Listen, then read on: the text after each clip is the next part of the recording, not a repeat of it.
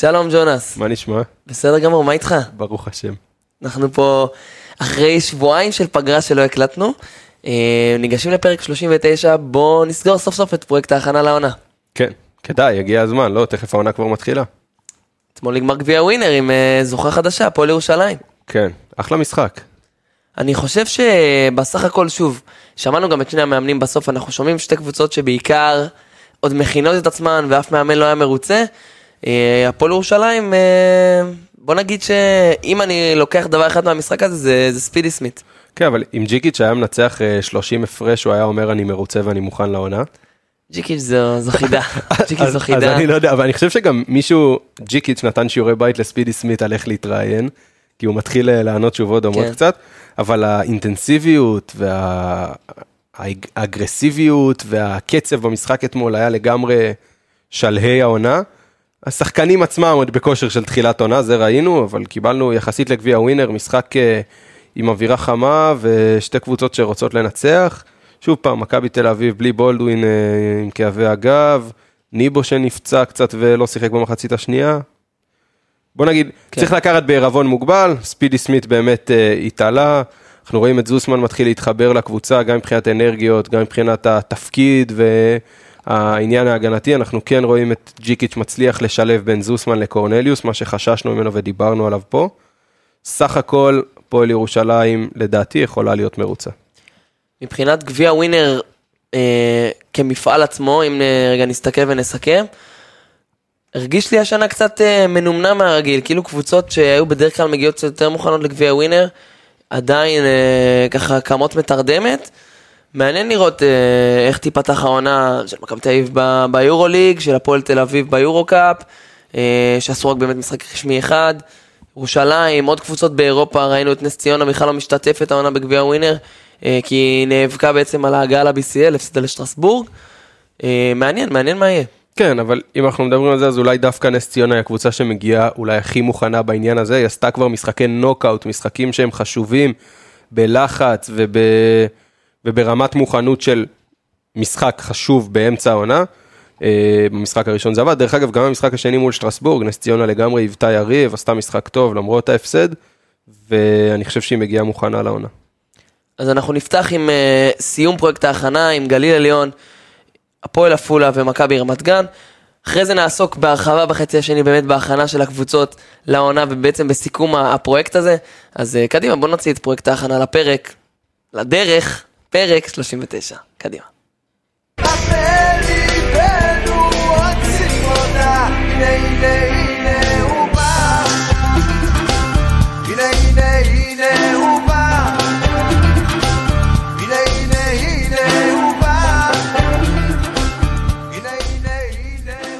ג'ונס, לא דרך, לא פרק, כן פרק, כן דרך.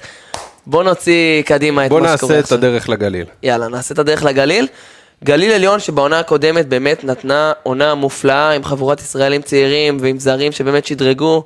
אה, עונה שנגמרה אומנם בסוויפ נגד הפועל חולון, אבל באמת עונה נפלאה. מה אנחנו רואים בגליל עכשיו מעבר לעזיבה המונית של שחקנים בקיץ? קודם כל המשכיות בצוות המקצועי, אה, ברק פלג ואבישי גורדון, ברק פלג על הקווים, אבישי גורדון עוזר לו, אה, וזה חשוב למועדון, בטח למועדון שעושה כל כך הרבה שינויים בסגל השחקנים, אז אה, הצוות המקצועי נשאר וזה חשוב.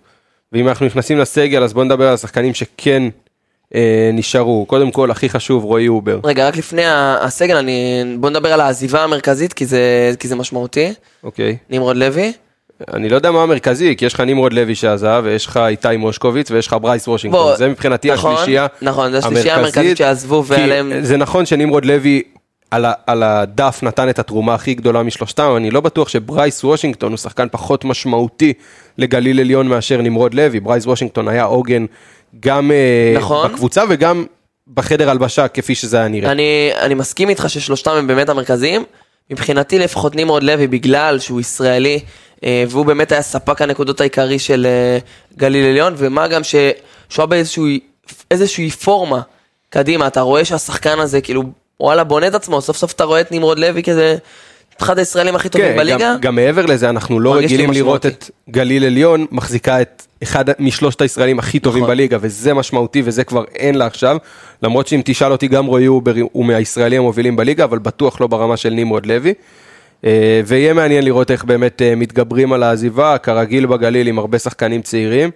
אה, ואני אחזור לסגל, אז רועי אובר מבחינתי הוא, הוא. הוא העוגן של, של אה, גליל עליון השנה, כי הוא הקפטן, הוא השחקן שנשאר, הוא השחקן המוביל, הוא הרכז המוביל של הקבוצה, ולדעתי הוא שחקן מצוין, ראינו אותו אה, שנה שעברה אמנם לא יציב, אבל בסוף עושה עונה טובה רועי אובר, אה, משחק כמעט 30 דקות למשחק, עולה כמעט 11 נקודות, מוסר מעל 6 אסיסטים. וראינו את הקבוצה גם במאזן חיובי במשחקים שאובר משחק בהם. אה, שיחק 21 משחקים בעונה הסדירה, אה, 11 ניצחונות מול 10 הפסדים. ובסוף דברים ייפלו ויקומו בגליל עליון על פי רועי אובר. אני חושב שאם עד עכשיו אה, באמת בחנו את גליל, אז אני חושב שהיא בנתה את הסגל אחרונה בערך. אה, לקח לה זמן למצוא את הזרים. את, ה, את הישראלים המתאימים, אה, אבל בסך הכל אם אנחנו מדברים אה, קצת על משחקי אימון ו, ודברים, התחילה מאוד מוקדם, אה, הפסידה להפועל חיפה בחמישי לתשיעי, אחרי זה שיחקה גם אה, בגביע ווינר נגד הפועל עפולה והפסידה גם שם. מעבר לזה עוד כמה משחקי הכנה שהיו, אה, לא מאוד מוצלחים, אה, והיום, סליחה, מחר ממש היא תסגור את משחקי ההכנה וגם את משחקי ההכנה אה, כולם לליגה נגד הפועל חיפה ברוממה. קשה, קשה לי קצת להסתכל על, אה, על גליל ולהגיד שהיא לא תהיה אחת מהמועמדות לירידה. כן, במבט על הסגל של גליל עליון, היא באמת נראית אחת המועמדות לירידה. אה, גם מבחינת הזרים, רובם לא מאוד מרשימים, לפחות מבחינת רזומה, אה, אבל אנחנו יודעים שבגליל יודעים להביא זרים, אז אנחנו נצטרך לתת להם זמן ולראות באמת מה, מה הם מסוגלים לתת. אנחנו רואים איזשהו גיוון כזה, כי מצד אחד אנחנו רואים שני שחקנים זרים ותיקים, אה, בני 32, אם זה ברנדון גארט הסנטר ווינסנט סנפורד, אה, ומצד שני אנחנו רואים את, אה, את הרכז, תכף אני, מייק בוטוול, בן כן. 23, ששוב פעם, זה לא, כאילו, ללא ניסיון בכלל, ושוב, יהיה מעניין לראות את ההשתלבות, כי אמרנו, יודעים בדרך כלל להביא זרים, אבל אני חושב שגם יהיה מעניין לראות אם יגיע עוד זר. נכון, כי כרגע שלושה. זהו, אחת הקבוצות, הקבוצה היחידה בליגה בערך עם שלושה זרים, אנחנו רואים כבר- שהרבה קבוצות הולכות ל, לחמישה, אני מאמין שלא יוותרו על המענק ו... וירשמו, שזה לא תקף, זה תופס. חמישה זרים, ארבע, אם יש ארבעה זרים בטופס בכל המשחקים לאורך כל העונה, זה תופס. אז מהבחינה הזאת אני מאמין שבאמת הרבה קבוצות גם ייקחו לעצמם את האקסטרה זר הזה ו... ויחליטו לרשום רק ארבעה זרים, אנחנו עוד מעט נדבר על רמת גן שכנראה זה מה שהם יעשו. היה קשה לי לראות את זה קורה. קבוצות, לדעתי, בסוף יחתכו את אחד הזרים, אבל ימים יגידו. אנחנו נדבר ונראה. אה, עוד מבחינת גליל, מה אנחנו באמת צופים לעונה מבחינת הקרבות? מי ה... בוא נגיד אם בעונה הקודמת הפתעה גדולה הם עשו והגיעו לבית העליון, העונה, מי הם המתמודדות האפשריות עם גליל על ה... שוב פעם, אז אנחנו מדברים על, ה, על, לדעתי, על התחתית של הטבלה, של גליל עליון, אולי של עפולה, אה, עוד קבוצות. יג, חלק יגידו הפועל חיפה, שמעתי שאתה קצת, כן. דיברנו עליהם פחות מחזיק מהפרויקט, אני דווקא חשבתי ש... אני חושב עדיין שהפועל חיפה כן ת, תהיה קצת יותר למעלה. קשה לי לראות הרבה יורדות השנה. כאילו, מבחינת הנאבקות על הירידה, אני חושב שגליל ועפולה שם. סטפ אחד למטה, אתה אומר. ככה מרגיש לי. יפה, נעבור לקבוצה הבאה, אה, לקראת הכנת העונה שלה, מכבי רמת גן. אז מכבי רמת גן באמת עלתה לליגה שלנו אחרי 13 שנה, חוזרת לליגת העל, אה, עם פרויקט מאוד מאוד מאוד מעניין. אה, מספיק רק להסתכל על הסגל שלהם, אה, 17 שחקנים, המון צעירים. שוב, זה לא באמת יהיה 17 שחקנים בטופס, כמובן זה גם לא אפשרי, ואני מאמין שגם חלק מהשחקנים הצעירים יתאמנו עם קבוצת הנוער, אבל פרויקט מאוד מעניין, ג'ונס. כן, סגל מרשים ל- למכבי רמת גן, גם מבחינת הישראלים המנוסים והוותיקים, אם זה כרם אשור ואם זה אדם אריאל, אה, ואפילו בניה אסרור שכבר מכיר את הליגה שלנו, כן. ויעל מלמד שעשה שנים יפות. סגל ישראלי טוב מאוד, וזרים שעד עכשיו מרשימים מאוד בהכנה ובגביע ווינר. והכי מרשים מביניהם לפחות לדעתי, קנדל מקולו, אין לדעתי, הכי מרשים נקודה. זריז, מהיר, עושה הגנה טובה, התקפה טובה, מוסר אסיסטים, מנהל את המשחק. אני חושב שגם במשחק מול הפועל תל אביב ברבע גמר גביע ווינר, אה, שהם בסוף הפסידו אותו, קנדל מקולום היה נראה טוב. כן, בואו נסתכל על המספרים. 22 נקודות מול בני הרצליה, 20 נקודות מול הפועל תל אביב, וגם אתמול במשחק ההכנה האחרון של מכבי רמת גן 27 נקודות. מרשים מאוד, מרשים. עושה דברים מאוד יפים. אה, גם בהגנה, דרך אגב, לא רק בהתקפה, חוטף יפה כדורים, זריז, יודע לקרוא את המסירות ולשלוח ידיים. אה, מוסר טוב מאוד, לא רק לעצמו, גם מייצר לאחרים. ואנחנו רואים שהוא מאוד מאוד אוהב את החדירה לטבעת והסיומת ליד הסל, והוא עושה את זה טוב מאוד. אה, תשמע, הוא גם שחקן, הוא התחיל את העונה שעברה בהמבורג, אנחנו מכירים אותה מהיורו-קאפ. אה, עשה באמת מספרים יפים, עשה מעל 15 נקודות למשחק, מעל חמישה אסיסטים בליגה הגרמנית, והוא עשה 12 נקודות למשחק עם כמעט שישה אסיסטים ביורו-קאפ, שזה מאוד מרשים, ואז עבר לריטס וילנה, גם קבוצה שאנחנו כן. מכירים ושם דבר באירופה. אה, כל הכבוד למכבי רמת גן שהצליחו להחתים שחקן עם רזומה כזה יפה. אז מבחינת זרים, כרגע הוא הזר המוביל אה, של מכבי רמת גן.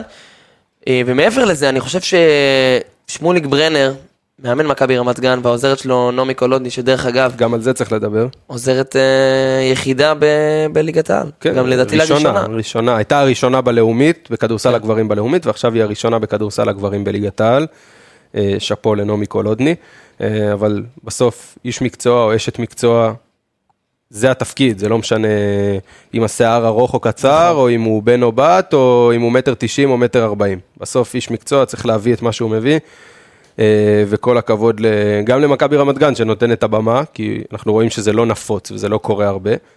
אה, אבל אם אנחנו נכנסים שוב פעם לסגל, אז מבחינת זרים, אמרנו חמישה זרים כרגע במכבי רמת גן, אמר, דיברנו על קנדל מקולום, אז יש לנו את הגארד פיל גרין, אה, שגם עשה דברים יפים, פחות יציב במשחקים עד עכשיו, אבל שוב פעם אנחנו רק מדברים על קדם שוב, העונה. שחקן שיהיה קצת יותר ליד הכדור ויותר ניזון, פחות מייצר לעצמו, לפי מה שאני ראיתי לפחות. כן, סקורר. אה, בסוף אה, קולע טוב מאוד, שומר קשוח, שנה שעברה בליגה הפולנית, אה, עם ולוצלב- ולוצלבק, זכה זכה ביורופ קאפ, כן, יפה, ונבחר גם ל-MVP של סדרת הגמר, עם אה, מעל 15 נקודות בממוצע.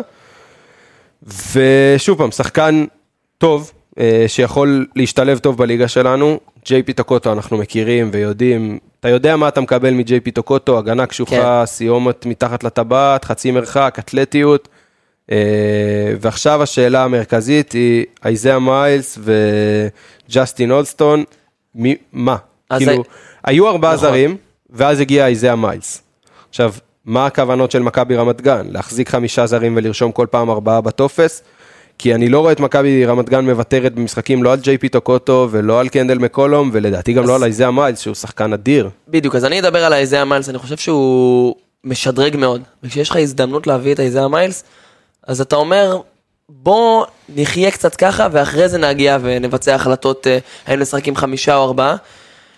זוכרים אותו מחולון, זכה פה ב-2021 אה, בליגה הבלקנית, אה, עוד כשהיה קורונה, בעונה הקודמת שיחק באייק אתונה, כלה קצת פחות מ-10 נקודות למשחק, הוריד חמישה ריבאונדים. אולי הוא קצת ב- בירידה, אבל שוב, בליגה שלנו, בממדים האלה, זה שחקן מעולה. כן, שחקן שיכול לשחק גם בחוץ, גם בפנים, אנחנו זוכרים אותו קולע מצוין מחוץ לקשת בחולון, אה, גודל 203, עמדה מספר 4. השאלה היא, אם אנחנו הולכים עם אייזאה מיילס ומשאירים את ג'סטין אולסטון בחוץ, מי שחקן בעמדה מספר 5 במכבי רמת גן? שאלה, אני חושב ש... תראה, יש לנו את אולי- בניה סרור, כן, אבל אתה לא יכול... צעיר, אבל בסוף סנטר ישראלי... בוא, אנחנו ראינו, דיברתי קודם על את בני. אסרור בתור מי שאנחנו מכירים, אבל אנחנו גם מכירים את המגבלות המאוד גדולות נכון. של בני אסרור. להוביל קבוצה בליגת העל, הוא עדיין לא יכול. לא להוביל קבוצה, אבל שוב, אני עדיין חושב שלא יחתכו את אלסטון, יהיו שם רוטציות, אז אני שואל שוב פעם. ברנר ינהל את זה. אם אנחנו, אם ארבעה זרים שנרשמים בטופס הם אייזאה מיילס, ג'יי פי טוקוטו, פיל גרין וקנדל מקולום, אז אייזאה מיילס הוא עמדה מספר 5? בלית ברירה, לפעמים כן, אני שוב, זה תלוי במצ'אפים, אני מאמין שמול הקבוצות הגדולות, שיש להם מצ'אפים חזקים ב, ב, בעמדות הפנים, אז אנחנו נראה את אלסטון נרשם, ואנחנו נראה אולי את אה, ברנר מוותר על פיל גרין או על טוקוטו. כי בסוף אנחנו מדברים על ליגת העל, אז יש לנו פה סנטרים כמו קייל אלכסנדר וג'וש ניבו וזאק הנקינס. אה, אז הפועל חולון היא קבוצה יותר קטנה ואין לה כל כך סנטרים, וראינו את הפועל ירושלים בחצי גמר גביע ווינר שוב, רוכבת על זה. זה תהיה החלטה של הצוות, שמוליק ברנר ינהל את זה, יכול להיות שמול הפועל חיפה עם מרקוס בינגהם, אה, ו... והסנטר השני שיש להם, אני שכחתי את השם שלו, הוא יעלה בצורה שהיא קצת יותר אה, אחראית עם אלסטון, ויכול להיות שבמשחקים אחרים, כשהקבוצה יותר נמוכה, כן, אבל אין הרבה קבוצות בליגה שאני יכול להגיד, אוקיי, למכבי רמת גן יש מצ'אפ טוב איתם, עם אייזאה מיילס בחמש. עכשיו בוא, בוא נזכור, גם ג'סטין אלסטון, הוא גם לא באמת עמדה מספר חמש, הוא אמנם חצי סנטר, אבל הוא גם 2.03, הוא גם קטן. וראינו קבוצות יאכלו את מכבי רמת גן על זה. זה. אני חושב שיש פה קצת בעיה, כי ראינו, הדוגמה הכי טובה לזה היא באמת חצי גמר גביע ווינר של הפועל ירושלים נגד הפועל חולון. הפועל חולון היא קבוצה שבנויה קצת דומה למכבי רמת גן מבחינת עמדות הפנים שלה, אין לה באמת סנטר טבעי, יש לה מינואה ויש לה ג'סטין סמית, הם שניהם לא באמת סנטרים טבעיים ולא באמת כל כך גדולים מבחינת גודל וגובה.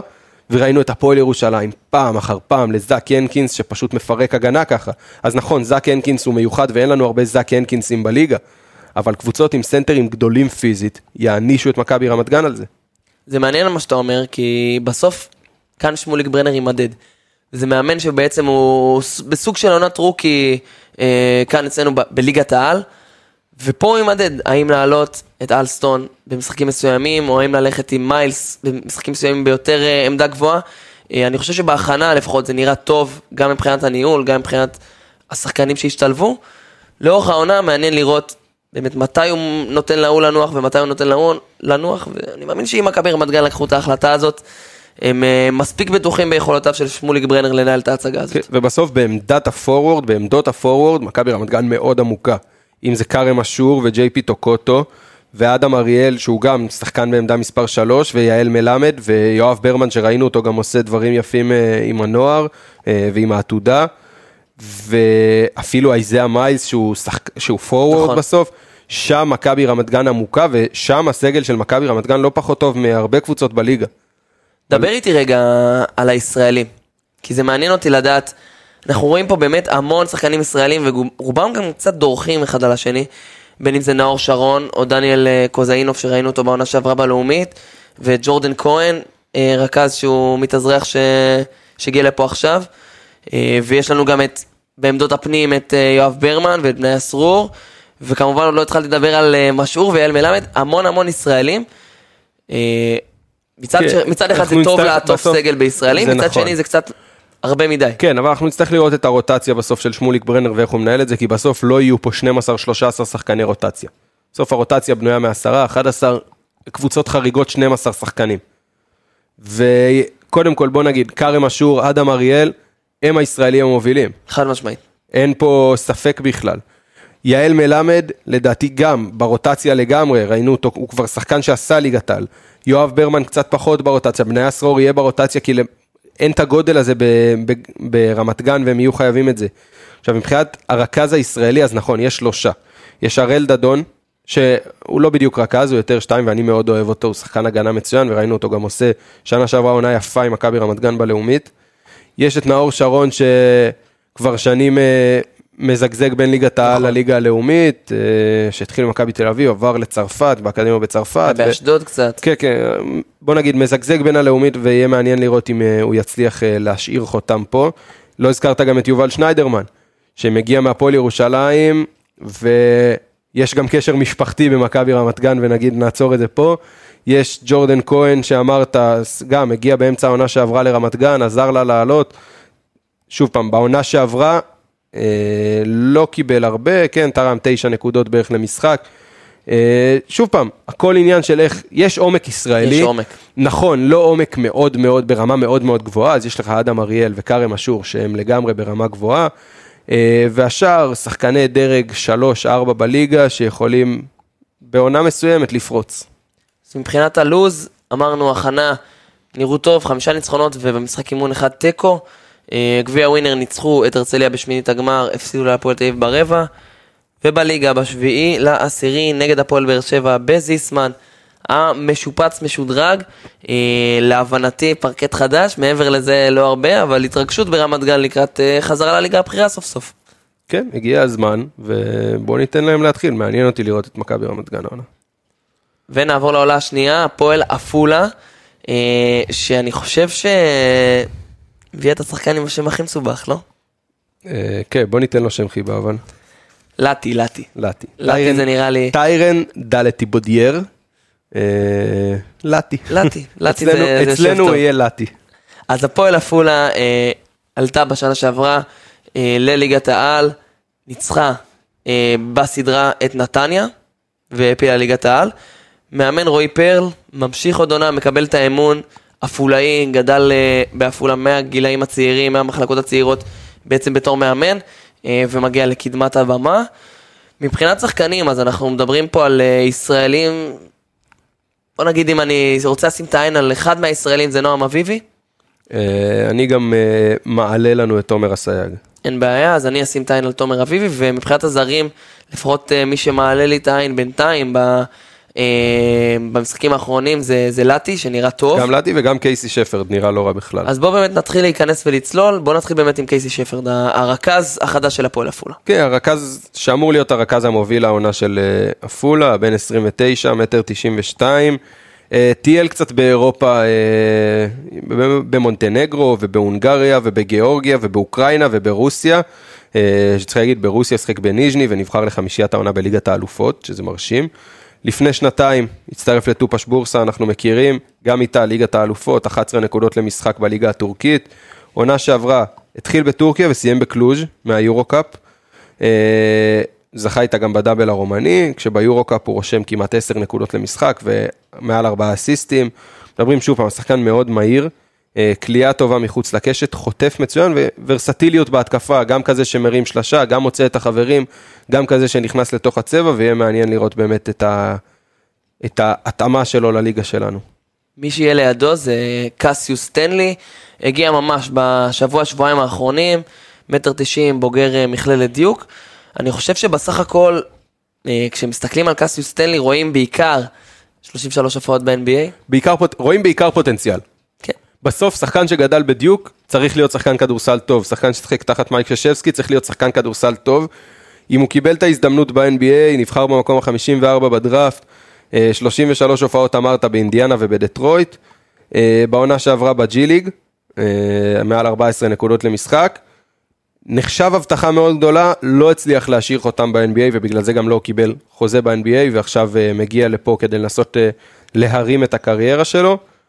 אם זה יתחבר, יכול להיות בינגו גדול של עפולה. אם זה יתחבר, אני חושב שהם חיפשו פה באמת שחקן שהוא סקורר ומישהו שיהיה ליד הרכז, אה, ליד שפרד, ו, ובעצם אה, גם, שוב, אה, איזון, איך אומרים?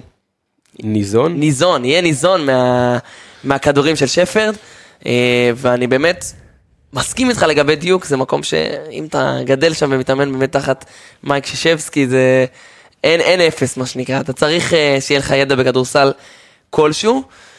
דיברת על תומר אסייג קודם, כן. מה השנקה יש לך עליו? שוב פעם, קודם כל מגיע מהליגה הלאומית, ולא סתם מגיע מהליגה הלאומית, שנה שעברה פריצת העונה וחמישיית העונה בליגה הלאומית, כלומר שחקן טוב. אה, אם אנחנו מדברים מספרים, שנה שעברה 12 וחצי נקודות, כמעט שלושה ריבאונדים, ארבעה וחצי אסיסטים, אה, ב-26 דקות בממוצע. מדברים על שחקן שגם כבר ותיק בקבוצה, עונה שלישית כבר במועדון, יש לו חוזה גם לעונה אחר כך. היה בורג משמעותי בעלייה שנה שעברה, אחד מהשחקנים הכי חשובים במועדון, וקשר משפחתי נחמד. ספר. הבן של, הבן של מני, של מני. לא של שלום. לא, הבן של מני, אחיין של שלום. אחיין של שלום אסייג, בן דוד של אה, דניאל אסייג, בקיצור, חלק אה, ממשפחת המלוכה מה שנקרא. בדיוק. יפה, אז תומר אסייג אה, גם חלק ממצבת הגארדים אה, של הפועל עפולה, אותה ישלים אורי לוטטי. וספנסר אה, וייס. נכון, וספנסר וייס. אחרי, עונה... אפשר להגיד שהוא גארד forward. כן, אחרי עונה רע. רעה מאוד ספנסר וייס בהפועל חיפה. באמת, רע מאוד. אני חושב שכל מי שדרך בהפועל חיפה בשנה שעברה, אולי פרט לעמית שמחון יכול להגיד שזה הייתה לו עונה- אנטי, אבל... עזוב, אנחנו מדברים בסוף על ספנסר וייס, שהתפקיד שלו הוא לקלוע, ושנה שעברה הוא פשוט לא קלע. לא. 20 אחוז לשלוש זה ממש לא זה. עונה באמת לא טובה בהפועל חיפה. והשני שהגיע ביחד איתו מהפועל חיפה מוריאל לוטטי, אה, עוד לא בדיוק הצליח להשאיר את החותם ולתקוע יתד בליגת העל ובאמת להראות לנו מה הוא שווה. יהיה מעניין לראות אם השנה הוא יצליח לעשות את זה, כישרון יש. צוללים פנימה לפורורדים. קדימה. לוקאס גולדנברג, בן 30, forward נשאר מהעונה שעברה, משחק בעפולה כבר כמה שנים אם אני לא טועה, ונראה, בעונה שעברה נראה טוב, לא כן. בטוח שזה יספיק לליגת העל. בסוף הוא היה ה-MVP של הפלייאוף בליגה נכון, הלאומית, אז שוב, קצת, היה שם התלבטות אם להשאיר אותו, לפי מה שהבנתי, לא בטוח יספיק אה, לליגת העל, אבל מי שרכש מאוד מעניין של עפולה, אה, זה נועם אביבי, בן 24 forward, שיחק באילת בעונה הקודמת, ונועם אביבי פתח את העונה טוב, נראה טוב במשחקים, נותן יופי של עבודה אה, גם בצבע, יודע גם לקחת שחקנים לסל, שזה משהו שפחות ראיתי מנועם אביבי בעונה הקודמת. אה, אני מבסוט מההחתמה הזאת לגמרי. כן, אתה צופה, אתה צופה הצלחה בגזרת נועם אביבי. אני חושב שכן. יופי. חולק? לא, נעבור ללאטי. כן, נעבור ללאטי. לא, בסוף, זה השחקן... לא, הרמת פה ל... ל... הרגשתי שאתה עומד לחלוק לא, לא, עליי. אני לא חולק עליך, אני מנסה ל- לרדת עד הסוף, אה, לסוף דעתך. אה, הגעת אליה. לטי, שוב, הרשים מאוד בהכנה עם דאבל דאבל אה, מרשים אה, נגד גליל עליון של 21 נקודות ו-12 ריבאונדים. ואנחנו מדברים על שחקן שוב פעם, שעבר, מנוסה כבר באירופה, ואנחנו מדברים על מה שראינו ממנו במשחק נגד גליל עליון, עולה חזק מאוד לריבאונד התקפה, תוקף את הסל כל הזמן ועושה הרבה נקודות מריבאונד התקפה. יכול להוריד גם כדור לרצפה, כן לשחק עם הפנים לסל ולכדרר ולחדור לטבעת. אה, הגנתית, חוסם, אתלט טוב. אה, שוב פעם, שחקן מאוד מסקרן. בטח בגלל שהוא שחקן בעמדה מספר 4 שיכול לשחק גם בחוץ וגם בפנים, גם להרים זריקה וגם אה, להיכנס לסל, ומצד שני גם לתקוף ריבאונד התקפה, ואם צריך גם לשחק post-up. שחקן שיכול להשלים את הפאזל מצוין. בהחלט נראה שחקן מעניין. אני חושב שמעבר לקטע עם השם, שזה מאוד נחמד, ו... וגם ראינו סרטונים שהם איך מאייתים את השם שלו ב... בכל מיני מקומות, אנחנו באמת רואים פה שהפועל עפולה החתימה שחקן עם מחשבה מאחוריו. וזה לא טריוויאלי למועדון שעולה מליגה לאומית. אה, רואים שיש שם צוות, רואים שחשבו. אמרת על הריבאונד התקפה, זה מאוד ניכר, וזה מאוד יכול לעזור גם לקלעים. ברגע שכולם יצטופפו בצבע, ו... ולאטי יצליח ככה עם אה, כל מיני טיפטים. אה, לשלוח כדורים החוצה, זה יכול מאוד לעזור להפועל עפולה, הנקודות האלה מהזדמנות שנייה. ובכלל, ההחתמות של הזרים של הפועל עפולה, אז אנחנו רואים את קסיוס סטנלי, שזה אחד שהוא צעיר ופוטנציאל, ומסביבו שלושה זרים שהם מנוסים. נכון. אם זה קייסי שפרד, שעבר כבר הרבה דברים באירופה, ואם זה לאטי בן 32, ויניק מוררה, שתכף ניגע בו, גם בן 32 וגם עבר דברים באירופה, אז אנחנו רואים, כן, הימור אחד על שחקן צעיר, הבטחה גדולה, ושלושה זרים שמגיעים עם ניסיון מוכח אירופי. ושוב פעם, אז אנחנו מדברים רק דברים טובים על הפועל עפולה, ואז ישאלו, אז למה אני חושב שהם יהיו למטה? א', חוסר ניסיון בליגה הבכירה.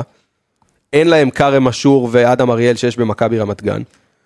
גם, אז יש להם נועם אביבי שעשה עונה שתיים פה, ושוב פעם, הוא עדיין בגדר פוטנציאל, הוא עדיין לא שחקן מוכח, ויש תומר אסייג שעשה עונות נפלאות בלאומית, אבל עדיין לא עשה נכון. עונה טובה בליגת העל. והשחקן המנוסה שלהם זה כאילו אלכס צ'וברביץ', אבל אלכס צ'וברביץ' לא אמור להיות הסנטר המוביל, או לשחק יותר מדי דקות, וספנסר וייס זה כאילו נכון. השחקן הזה, אבל שוב פעם, זה, זאת הסיבה שלדעתי הם ידברו נמוך, כי אין בסוף את העוגן המנוסה פה. אמרת א', אז אני אשלים אותך בב', אני חושב שהם גם אה, פשוט סגל פחות טוב משאר אני לא- קבוצות דווקא הליגה. על פה אני. לא מסכים. אנחנו עוברים פה שבוע שבוע על נכון, הסגלים. ועדיין הזרים שלהם לא פחות מרשימים מאלה שהגיעו לקבוצות נכון, אחרות. הישראלים שלהם פחות מרשימים, הישראלים מאוד שלהם חשוב. פ- לא, לא בהכרח פחות מרשימים, כמו פחות מנוסים בליגה הבכירה, וזה קריטי. או פחות טובים. אפשר להגיד את זה. כשאנחנו מסתכלים פה על השחקנים, שוב, נועם אביבי זה מי שקופץ לי לעין, תומר אסייג, אומנם היה מאוד טוב בשעה שעברה, אבל שוב, זה סימן שאלה בליגת העל.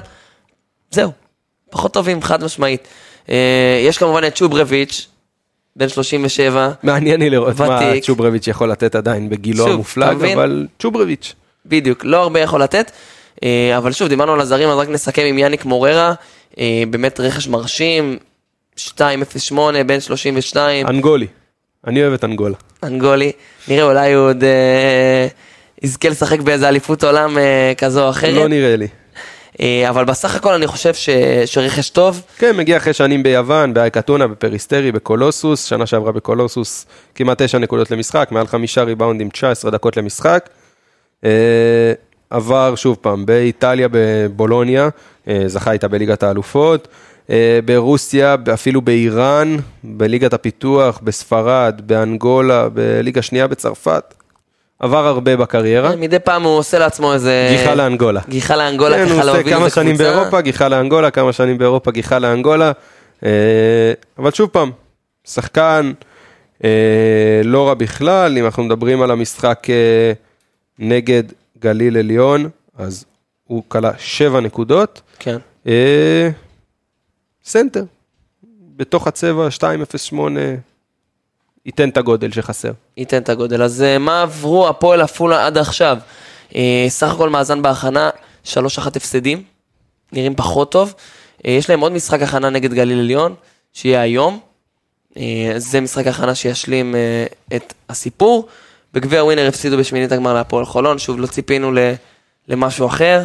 אה, ובליגה יפתחו נגד נס ציונה בלב המושבה בשישי לעשירי, משחק קשה מאוד לפתיחה. כן, בטח שנס אה, ציונה מגיעה מוכנה מאוד אחרי טוב. הסיפור שלה ב- במוקדמות. ליגת האלופות. גם נראית טוב דרך אגב, מעבר נראית. לעובדה שהיא מוכנה. נראה טוב. אה, החתמות מאוד מעניינות ואנחנו גם ניגע בזה בחלק השני. אז סיימנו את פרויקט ההכנה, עברנו על שלושת הקבוצות ג'ונס. אני חושב שזה הזמן לתת ככה כמה הימורים עכשיו על. המיקומים של הקבוצות, נראה לי על המיקומים של הקבוצות, ככה לסיכום הפרויקט. יאללה, בוא נהמר. אה, אז בואו נתחיל באמת עם גליל עליון שדיברנו עליה, אני חושב שגליל עליון תרד ליגה העונה. אז אני חושב שהיא תשרוד בסוף. תסביר. אני חושב שבסוף יש שם קצת יותר ניסיון גם בצוות אה, וגם בשחקנים, אה, שכבר עברו קצת דברים ב- בליגת העל, אם זה רועי אובר, ואם זה לוטן אמסלם שכבר עשה שנתיים שלוש בליגת העל. אני חושב שבסוף יהיה לה קשה, אבל היא תצליח לשרוד, אבל אני חושב שגליל עליון, הרבה שם תלוי באיך יחזור ליאור קררה מהפציעה, לא דיברנו על זה, נכון. אבל ליאור קררה מגיע מנס ציונה, אחרי עונה שהוא לא שיחק בה, הוא נפצע אה, באוקטובר הקודם, ולא שיחק כל העונה. אם ליאור קררה חוזר להיות ליאור קררה שראינו בנס ציונה, כן, אתה נותן לו עד כדי כך משקל, כי אני לא זכור לי שליאור קררה היה איזה שחקן כל כך בולט לא, בנס הוא- ציונה. הוא היה שחקן טוב בנס דקות ציונה, משלימות של אבל, ישראלי. אבל בסגל ישראלי שהבולטים בו הם לוטן אמסלם ורועי אובר ותו לא, הוא חשוב מאוד.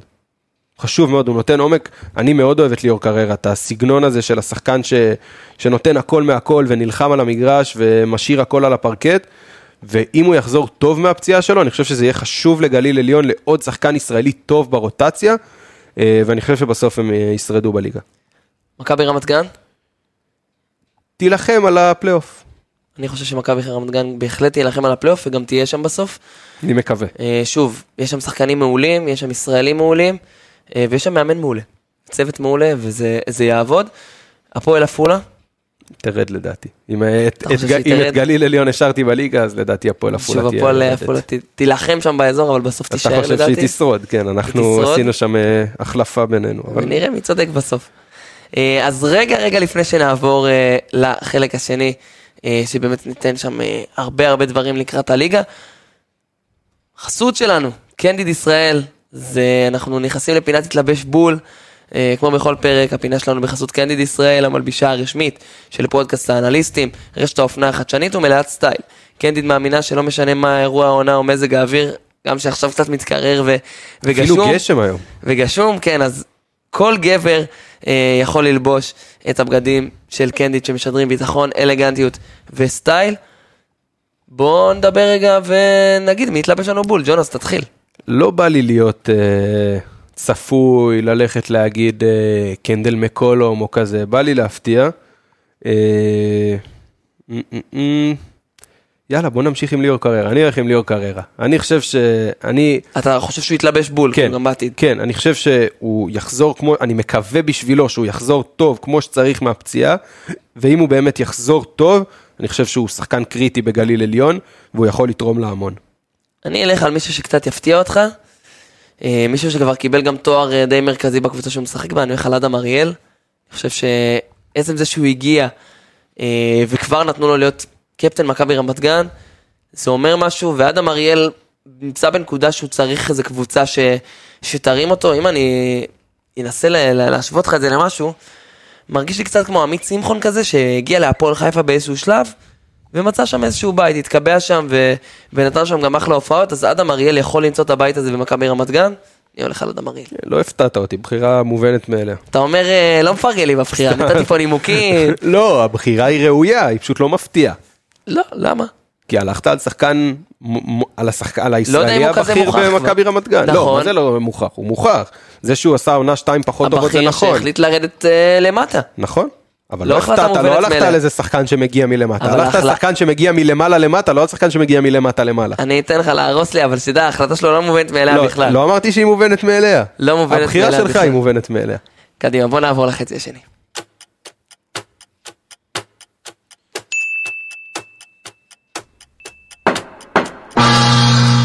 איזה סאונד. סאונדמן פה עושה את העבודה. חלק שני, סיימנו את פרויקט פתיחת העונה, אז אה, בואו באמת רגע נדבר על מה, על מה דיברנו פה בשבועות האחרונים, כי אנחנו כל אה, פרק צוללים קדימה, צוללים פנימה לקבוצות, אה, ובסוף, יש לנו פה ליגה שעוד מעט יוצאת. אז ג'ונס, מי כרגע על פי כושר נוכחי, עזוב, תשכח מההימורים שלך, מי כרגע הכי מרשימה אותך? זו שאלה טובה, כי קצת קשה להגיד. אני חושב שכמו שצפיתי, ואמרתי את זה גם, הפועל ירושלים נראית הכי מוכנה, כי לא, לא היו שינויים רבים. בסוף, גם כשאני מסתכל על המשחק של הפועל ירושלים אתמול, מי שהרשים יותר, זה אלה שהיו גם שנה שעברה. זה ליוואי רנטולף, זה ספידי סמית, זה זאק הנקינס, זה עוז בלייזר, שדרך אגב מקבל תפקיד מאוד משמעותי בהפועל ירושלים העונה, ונראה טוב מאוד במשחקי ההכנה ובגביע ווינר. נראה מצוין, גם מוסר טוב מאוד, מוצא הרבה פעמים את הנקינס בצבע, גם שומר, זה אנחנו מכירים את בלייזר, אבל עושה עבודה הגנתית אדירה.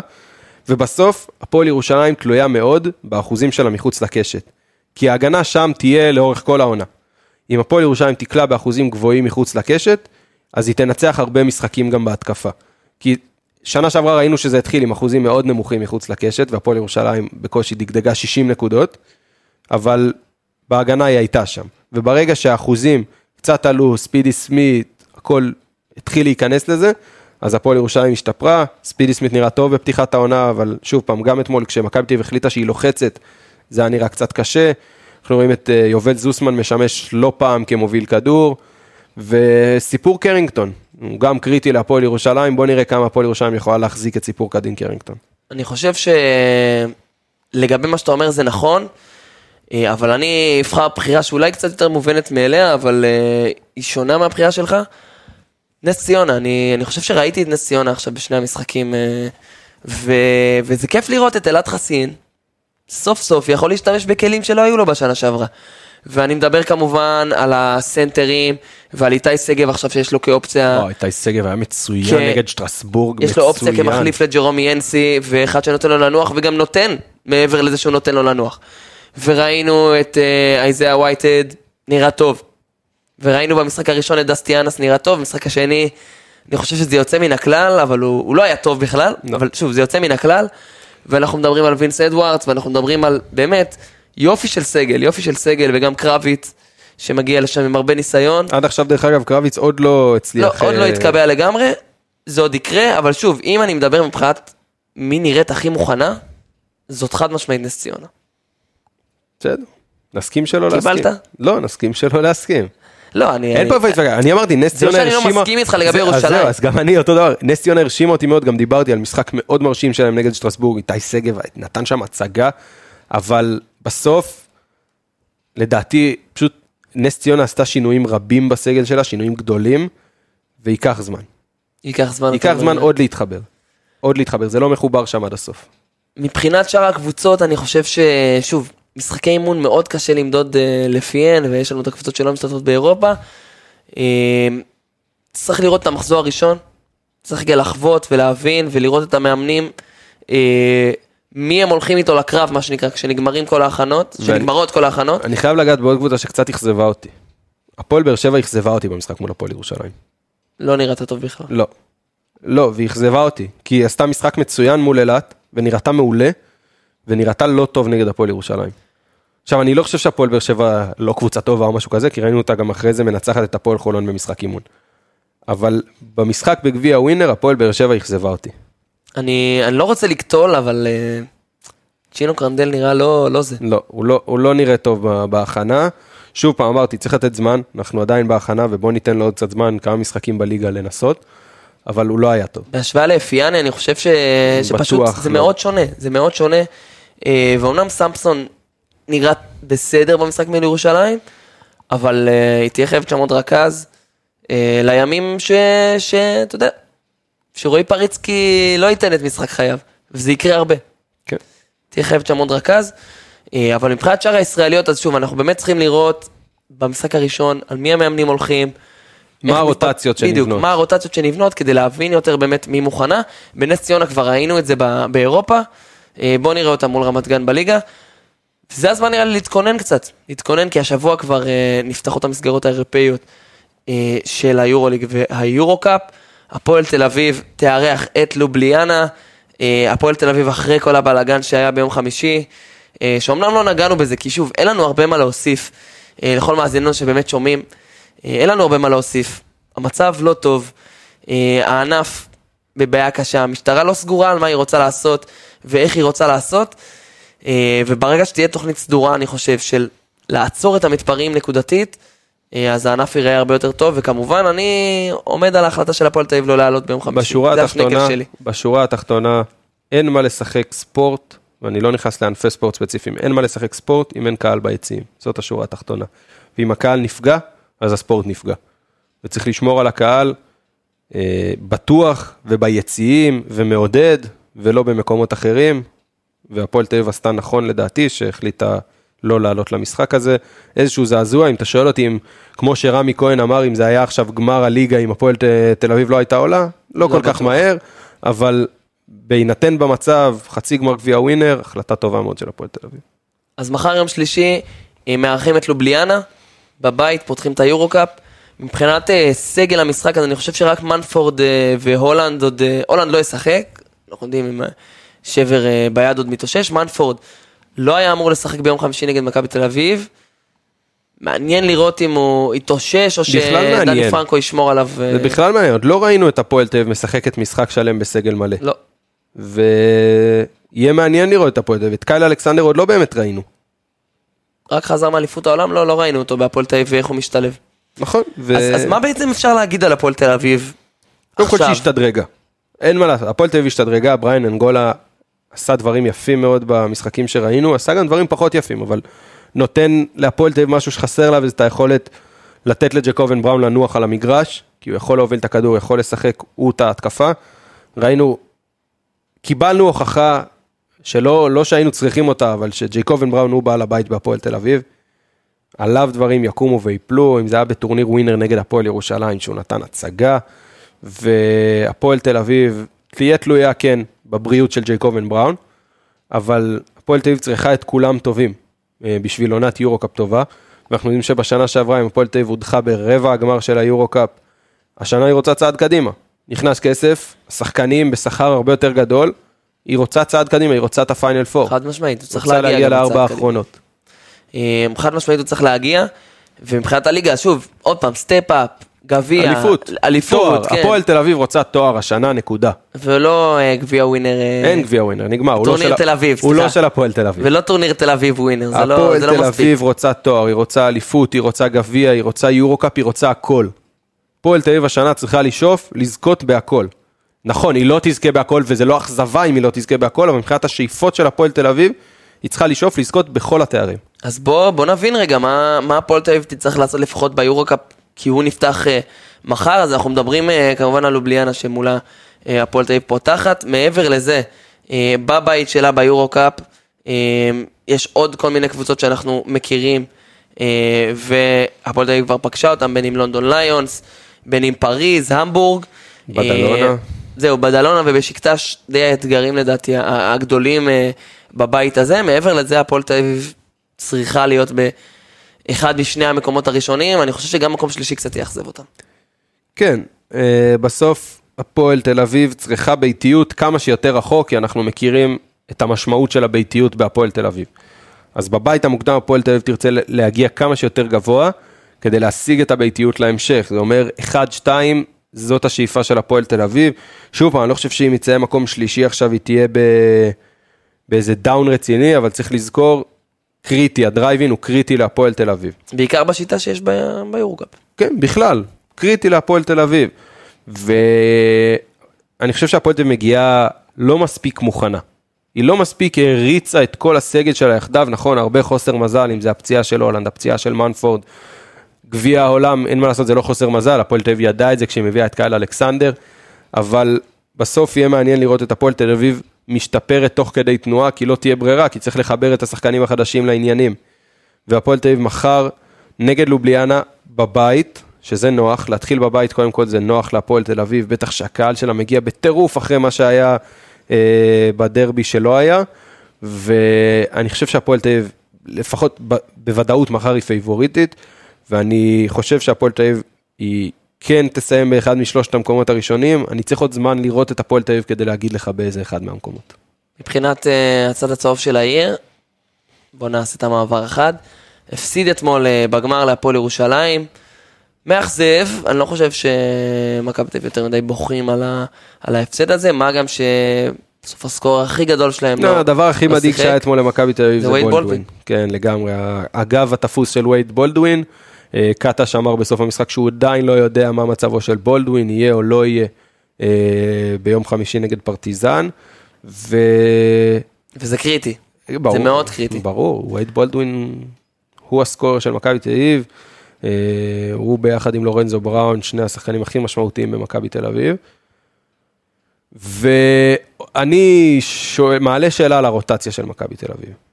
כי ראינו את קטש, אוקיי, מגיע הדרבי ומגיע גמר גביע ווינר, מחליט ללכת עם ריברו ולהשיב בחוץ את ג'יימס ווב ואת קליבלנד.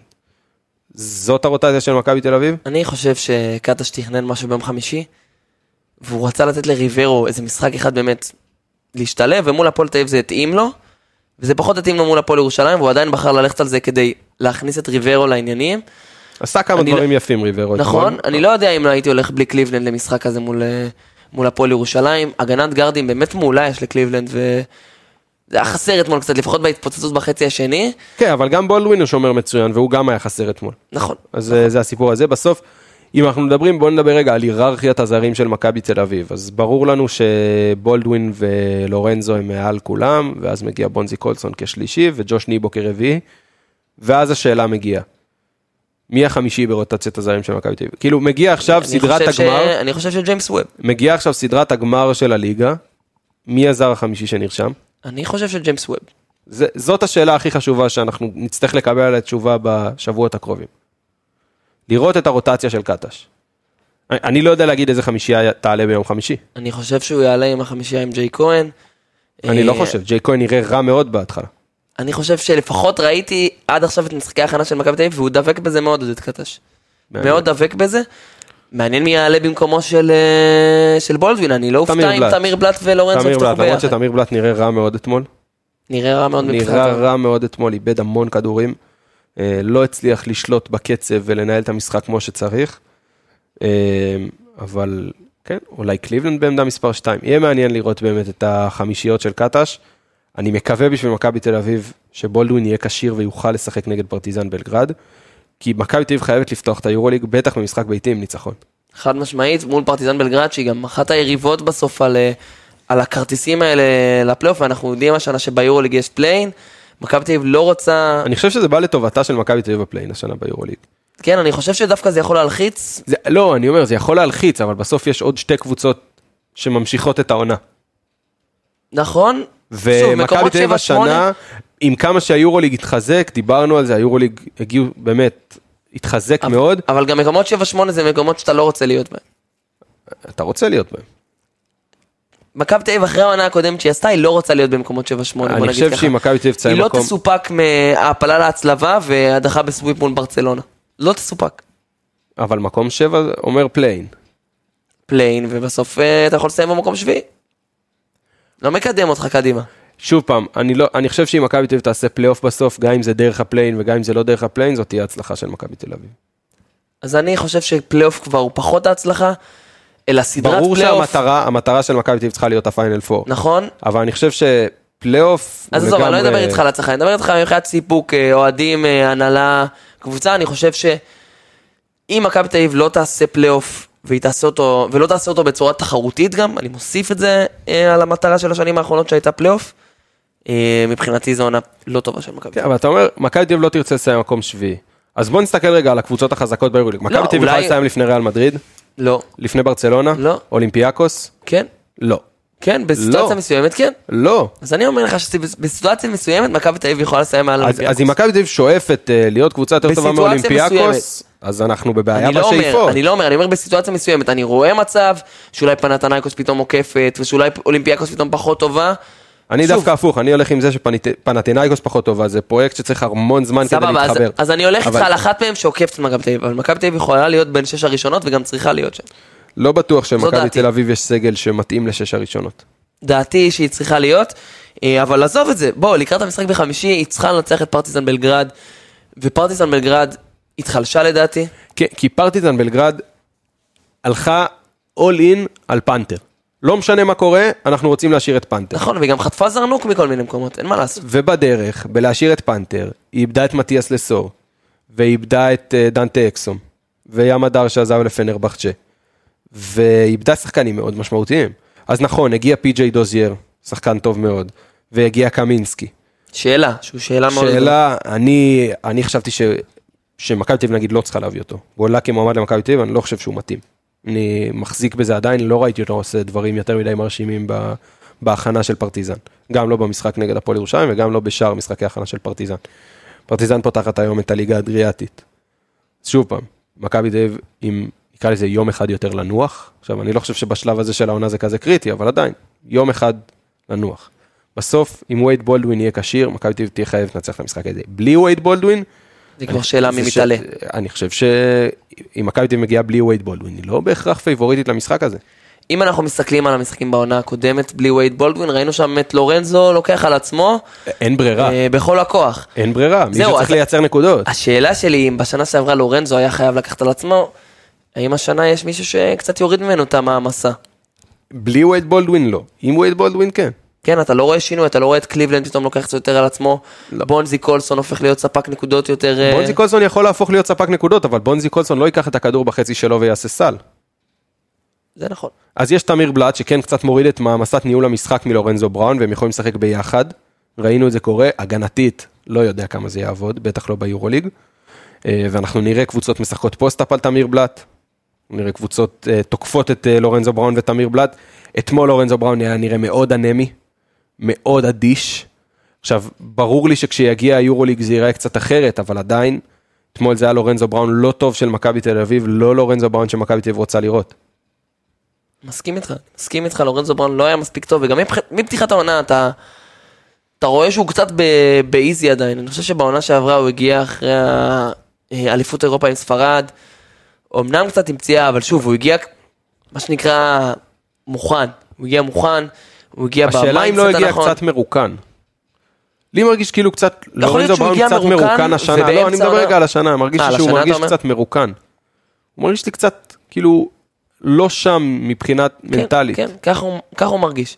אם בעונה שעברה הוא היה מלא אחרי האליפות והוא הגיע והוא סחב עם זה כמה חודשים עד שהוא גם קצת שוב התרוקן, השנה הוא כבר מרוקן מההתחלה ו... ומכבי תל אביב תצטרך לעבוד והצוות שם יצטרך לעבוד על איך מעלים לו את החשק שוב ומעלים אותו לרמת האינטנסיביות שהוא היה בה לפני. והשחקן שהכי אכזב אותי במכבי תל אביב בהכנה זה רומן סורקין. אני חושב שהוא לא היה מאכזב אבל אחרי קיץ גדול עם הנבחרת, הוא לא היה טוב. נכון, קטש צריך להבין ש... שהוא לא יכול אה, להתעקש יותר מדי. שאם רומן סורקין פחות עובד בעמדה 4, אבל מה זה פחות עובד? רומן סורקין לא עשה, הוא צריך לעשות פשוט את השינוי בראש, להגיד לעצמו, אני שחקן בעמדה מספר 4. הוא לא עושה את זה. אז השאלה אם אתה. מייבש את רומן סורקין או שאתה אין משתמש בו בעמדה אין שיותר טוב. לקטש אופציות אחרות. בליגה. גם באירופה. ג'יימס ווב. לא מספיק. לא מספיק טוב לדעתך? ג'יימס ווב ג'יי כהן מחזיקים את עמדה מספר של מכבי תל אביב? לא לא, מספיק. להחזיק לא, יכולים לפחות להתחלה. לא יודע. לא יודע. יכול להיות שנראה את בונזי קולסון עושה הרבה דקות בעמדה מספר 4. שוב פעם, אני צריך לראות, לחכות ולראות מה יהיה הרוטציה שקטאץ' מנהל. אבל אני חושב שלרומן סורקין אין ברירה אלא להתאים את עצמו לעמדה מספר 4. אני חושב שאם במכבי תל אביב היו שומעים אותנו מדברים עכשיו, כשהיה עוד חודש יוני, הם באמת צוחקים לנו בפנים, כי המטרה של מכבי תל אביב הייתה לייצר המשכיות, ולמנוע סימני שאלה, ומרגיש לי שיש המון סימני שאלה לגבי מכבי תל אביב. אני, אוקיי, אני, אני לא חושב שעברה. שיש סימני שאלה כמו שמייצרים סימני שאלה. אז אנחנו מייצרים אוקיי, אותם. אז, אז, אז שנייה בוא נעשה סדר. לורנזו בראון גם כשהוא אדיש, הוא סימן קריאה, הוא לא סימן שאלה. לא מדבר מבחינת שחקנים, מדבר מבחינת שאלות דווקא על המשחק עצמו. מבחינת השחקנים אנחנו יודעים מה אנחנו מקבלים.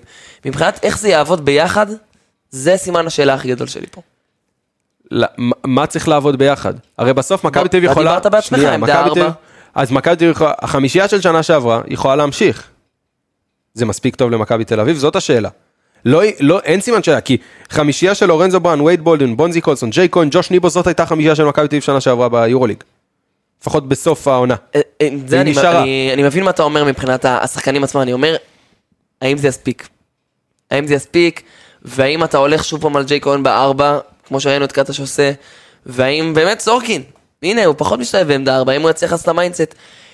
יש פה כל מיני שאלות שעולות, אה, ואני חושב שלמכבי. תל אביב ציפו להיות עם הרבה פחות שאלות בשלב הזה. לא, אני לא בטוח, אין, אין מה לעשות, מה זה צי... אין, זאת הייתה אף ציפייה. אף פעם אין סימני קריאה. אנחנו מדברים על ספורט ומדברים על שחקנים, ואף פעם אין סימני קריאה, תמיד יהיה סימן שאלה מי יכול להיות יותר טוב ומי יכול להיות פחות טוב ומי צריך לתת יותר. בשום שלב אה, אין מועדון שיגיד, אוקיי, זהו, עכשיו אני מסופק. תמיד מועדון שואף ליותר, בטח מועדון כמו מכבי תל אביב. אז תמיד יהיו את סימני השאלה איך אנחנו יכולים להשתפר עוד. ובסוף, אני חושב ששוב פעם, אמרתי את זה כשדיברנו על מכבי תל אביב ואני אמשיך להגיד את זה, מכבי תל אביב קיבלה החלטות נכונות הקיץ. נכון, בינתיים לא משתמשים נכון, לא בריברו, שלא מספיק מקבל כדורים בפוסט-אפ, אבל שוב פעם, גם ריברו עצמו לא מרשים, ואולי פה דווקא כן, מכבי תל אביב, שוב פעם, לא מתחבר בינתיים. תראה, יש לא יודע אם זה לא יש לו עוד סוג... מקום לשינויים. נכון, אני לא יודע אם זה לא סוג השחקן שמכבי תל אביב הייתה צריכה, כמו שזה פשוט בינתיים לא מתחבר. יש עוד מקום לשינויים, ובאמת אולי אנחנו נראה עוד איזה שם נוחת. אה, אבל בינתיים יום חמישי, אה, פרטיזן, אני רק אוסיף על פרטיזן, שיש שם סיפור די מעניין. אם בעונה שעברה ראינו גם את אקסום וגם את פנתר וגם את ים הדר אה, בתור הגארדים היותר מובילים, אה, אז העונה מי שעולה קדימה זה אלכסה אברמוביץ', שבאמת עשה הציג, קיץ מצוין. הציג קיץ מצוין בסרביה באליפות העולם, והוא כאילו הרכז השני, אם אני מבין נכון, יש לנו, יש, לנו את. יש לנו את אלכסה אברמוביץ' ויש לנו את ירמז, אה, גם את ירמז אנחנו כבר מכירים מהיורוליג. יש, פרטיזן נחלשה קצת, אבל היא לא מאוד נחלשה. בסוף היא איבדה את לסור שהוא אחד השחקנים הטובים ביורוליג, ואיבדה את דנטה אקסום שאומנם הוא שחקן טוב, אבל הוא, הוא לא מה שציפו להיות כשהוא הגיע ליורוליג. והיא כן הביאה תחליפים, אם זה קמינסקי, שנכון, בינתיים זה לא מתחבר, אבל הוא לגמרי שחקן ברמה גבוהה. אה, ויש לנו, קו אחורי יש, כאילו לא היה חסר הרבה, הביאו את פי.ג'יי דוזייר שהוא שחקן מצוין, בטח יכול לייצר לפרטיזן הרבה נקודות. אה, שוב פעם, עם בולדווין, מכבי תל אביב פייבוריטית וחייבת לנצח, בלי בולדווין, מכבי תל אביב קצת פחות פייבוריטית, לדעתי אולי עדיין קצת עדיפה, ועדיין חייבת לנצח. אז אתה אומר ניצחון מכבי תל אביב ביום חמישי, זה ההימור? כן. אני גם איתך, ולגבי הפועל תל אביב אני גם חושב שהם ינצחו בהפרש מאוד גבוה. אני לא חושב אותם שהפועל תל אביב ינצחו. אה, וכל ההימורים האלה מובילים אותי אה, חזרה אל פינה שאנחנו מאוד התגעגענו אליה, פינת ההימורים, כי המחזור הראשון של ליגת וינרסל אה, יוצא לדרך. אז אה, בואו נתחיל ונהמר, הליגה תיפתח בשישי לעשירי בלב המושבה. אה, דיברנו על המשחק הזה של נס ציונה. אה, נגד מכבי, נגד לא. נגד הפועל עפולה, נכון? אה, אז בואו נתחיל להמר, משחק ראשון נס ציונה נגד הפועל עפולה, שישי לעשירי יום שישי. מה, הפתעה? לא, נס ציונה. נס ציונה, מה שנקרא קל. משחק שני של ליגת וינרסל יקרה ביום שבת, עירוני רמת גן תארח את הפועל באר שבע דימונה, אני הולך פה על רמת גן. אני הולך עם באר שבע. אתה הולך עם באר שבע. יום ראשון מכבי תל אביב מארחת את קריית אתא, אתה רואה משהו אחר מניצחון אה, צהוב של מכבי תל אביב? שלילי. הפועל תל אביב תארח באותו יום את גליל עליון? הפועל תל אביב. אני גם איתך, כרגע אנחנו כמעט אותו דבר. הפועל ירושלים, הפועל חיפה ביום שני בארנה. אני מקווה שהפועל ירושלים. אני גם הולך על הפועל ירושלים. אה, והפועל חולון נגד הפועל אילת. אילת. אני גם הולך על אילת, למרות שזה סתם בחולון. מעתיק ממני. אני אתה אפילו לא ממש הולך חושב. על אילת. ממש חושב והולך על חושב. אילת. ממש חושב והולך על אילת. ואפילו אם הייתי אומר את זה ראשון, אז אה, היית מעתיק את אה, מילותיי אה, אל פיך. דרך אגב, אנחנו נכנסים פה לאיזה רוטינה חדשה של חופשית כל מחזור, אז במחזור הזה זה בני הרצליה.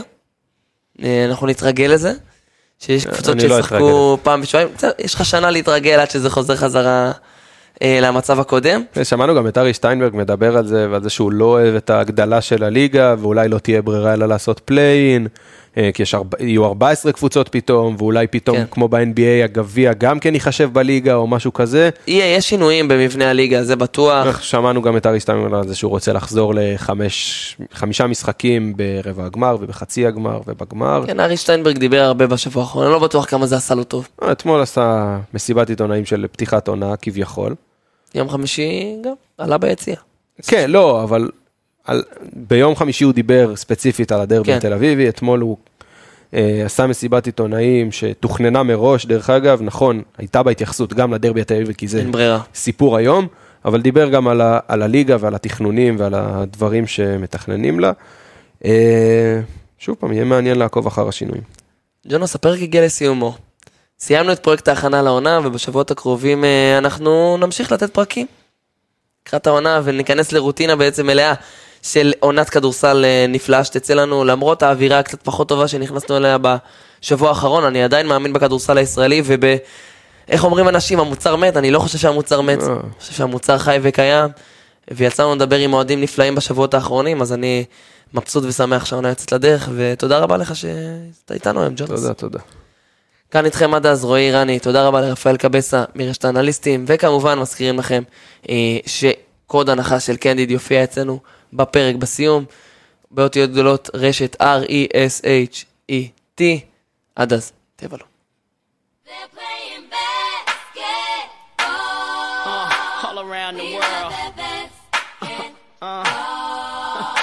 Beach out.